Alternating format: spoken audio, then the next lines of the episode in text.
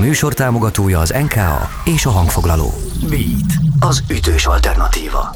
Beat Mikos Ágossal. Ombódi Andrással lépjünk a Holdra tagja. Vele is beszélgettünk, és elhoztuk a teljes beszélgetést a Beatcast csatornájára. Ez a Beat Rádiónak az a különleges válogatása, ahol a hét, az elmúlt hét, az elmúlt hónapok beszélgetéseit hallgathatod vissza, hogy feltöltődj magyar zenei tartalommal. A Lépjünk a Holdra nem is olyan régen a Dürer kertben lépett fel, és hát ez ugye újdonság volt, mert hogy maga a Dürer kert most már új helyszínen, új állapotokban mutatta meg magát. Erről is kérdeztem őt, valamint arról is, hogy október 28-án megjelent a második nagy lemezük. Mesélsz az új Dürerről, neked hogy tetszett? Nekem nagyon jó élmény volt, igazából véletlenül is alakult így, nem feltétlen tervezet volt, ugye milyen itt a nyitó koncert, de így, hogy egyszerre volt egy lemezbemutatónk, amit nagyon régen vártunk, és egyszerre játszottunk egy ilyen kultikus helynek az új helyszínén, ez egy tök jó élmény volt egyébként. Most azt olvastam itt rólad, vagy rólatok, inkább így mondom, összefoglalólag valamelyik bemutatkozó szövegetekben, jó néhány sorosban, hát hogy ritkán van az elégedettségi érzés bennetek, vagy egy ilyen folyamatosan formálódó. Most így a október 28-i megjelenés után, egy lemezbemutató koncert után azért csak van valamennyire egy elégedettség közeli állapot, vagy hány százalékban vagytok elégedettek most? A pontos százalékot azért erre nehéz mondani.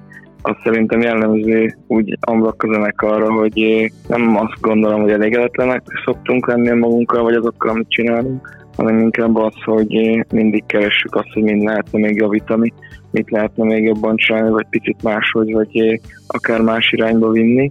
De egyébként most mindenképp szerintem így a zenekar nevében is mondottam, hogy büszkék vagyunk erre az új albumra, és a lemezbemutató is szinten tök jól sikerült. Hogyha be kellene mutatni az új albumot kb. olyan szinten, hogy mondjuk most az utcán leszólítaná, és te figyelj már, ez egy tök jó dolog, figyelj már rá, akkor mit mondanál róla? Onnan ismerném fel a második lemezeteket? Egyrészt ez egy ilyen picit konceptlemez lett, nem feltétlenül annak indult, de nagyjából egy témakört járnak körül a dolog, különböző irányokból, van benne mélység, van benne talán magasság is.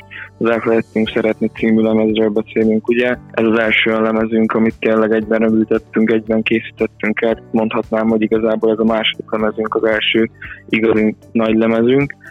Én igazából mindenkinek ajánlanám, aki szerint a címből kiindulva van annyira érdekes ez a témakör, akár kapcsolati, akár párkapcsolati, akár emberi dolgokról, hogy, hogy ezt ezt érdemes körüljárni, és érdemes ezekről beszélgetni.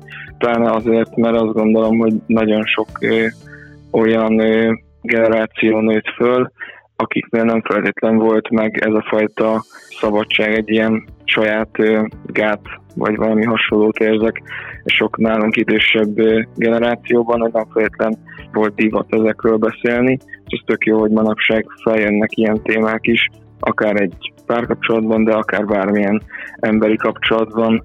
De egyébként a lemezen szó van ennél vidámabb dolgokról is, de bőven van benne picit ilyen depresszívebb irány is. Próbáltuk ezt valahogy úgy vegyíteni, hogy ne teljesen egy, egy irányba mutassanak a dalok.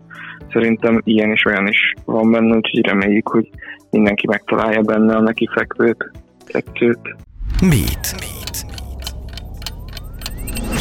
Azt nézzük már meg még kérlek, hogy látom, hogy jó néhány kollégával együtt dolgoztatok. Ugye volt itt sound designer, master, mindenféle, szóval, hogy kikinek köszönhető még a lemez létrejötte? Igen, mindenképp meg kell említeni egyrészt Márta Pistit, akinél, ahogy az eddig összes dalunkat, ezt is rögzítettük, illetve két dal, ami már korábban kijött ugye singleként, előfutárként, azoknál a mixing és a, a sound designer szerepet is ő látta illetve ezeknél a Mastert a Super Size-ba Horváth Attila készítette, de egyébként a lemez nagy részében a koncepciót a sound design részéről illetve a megszólalást, az irányvonalat azt Lázár Dodi határozta meg, őt kértük föl erre a szerepkörre, aztán ezeknél a daloknál a mixinget és a mastert is ő csinálta, tehát igazából leegyszerűsítve mondhatjuk azt, hogy gyöngyösen a Green Mouse Studio Márta Pistnél készültek a felvételek, és Lázár Dodi volt felelős az utómunkáért. És képi anyag az hogyan lesz? Gondolok itt arra is persze, hogy lemezborító, mert hogy az is egyfajta különlegességgel bír, de hogy vajon klippekben gondolkodtok-e már, vagy mi a helyzet a klippekkel? A lemezborítót azt az angolisten Csikós Marci készítette, úgyhogy azt igazából zenekaron belül meg tudtuk szerencsére oldani. Marci szokta általában az összes grafikai anyagunkat is elkészíteni, illetve most a legutóbb kijött éppen elég című számnak a, a klipjét is ő csinálta, ez is helyet kapott ezen a lemezen. Ebben a klipben igazából mindenki feltűnik, aki valamilyen részt vállalt ebből a lemezből, mert ezt a stúdióba rögzítette egyébként Belezsényi Gergely volt az operatőr, és akkor Csikós Marti volt a, a vágó és az utómunkázó úgyhogy abból, abból, hogyha bárki érdeklődik, hogy hogy zajlott, milyen nálunk, vagy milyen volt ez a lemez felvétel nálunk, akkor, akkor azt szívesen ajánlom mindenkinek. Aztán a jövőben is tervezünk klippet, pont a címadó ahhoz egyébként az elfelejtettünk szeretni, ez az jövő év elején fog kijönni. Az egy picit nagyobb vállalás lesz, egy elég nagy stáb állt be szerencsére mögé, úgyhogy azt nagyon kíváncsian várjuk, hogy hogy fog alakulni. Beat. Amikor mi most beszélgetünk, akkor ugye a lemez bemutató koncert után vagyunk, de még vár rátok egy hát online, nem is tudom minek, session, vagy minek nevezzük ezt, leginkább november 25-ére gondolok. Igen, ez az volt a tervünk. Egyrészt ez egy, ez egy ilyen Covid biztosítéknak is indult, mert nyilván nem tudhattuk, hogy esetleg most a november 4-i koncertünket elmossa újra ez a helyzet, vagy megtarthatjuk, szerencsére megtarthattuk, úgyhogy egyébként e- ezzel is számoltunk, hogy ebben az esetben viszont egy ilyen lemez végigjátszó sessionként tekintünk erre 25-ére. Ugye már így is került föl a, a Facebook oldalunkra, úgyhogy igazából ez annyiban lesz különleges, hogy a lemezbemutatón is ugye felcsendültek a, az új dalok, viszont nyilván nem abban a sorrendben, ahogy a lemezen szólnak, hanem inkább ahogy a setlistben jónak éreztük. Úgyhogy, hogyha valaki kíváncsi, hogy hogy szólnak élőben ezek a dalok a lemez sorrendjében, akkor ők meg tudják hallgatni november 25-én az OMC Live Session keretein belül.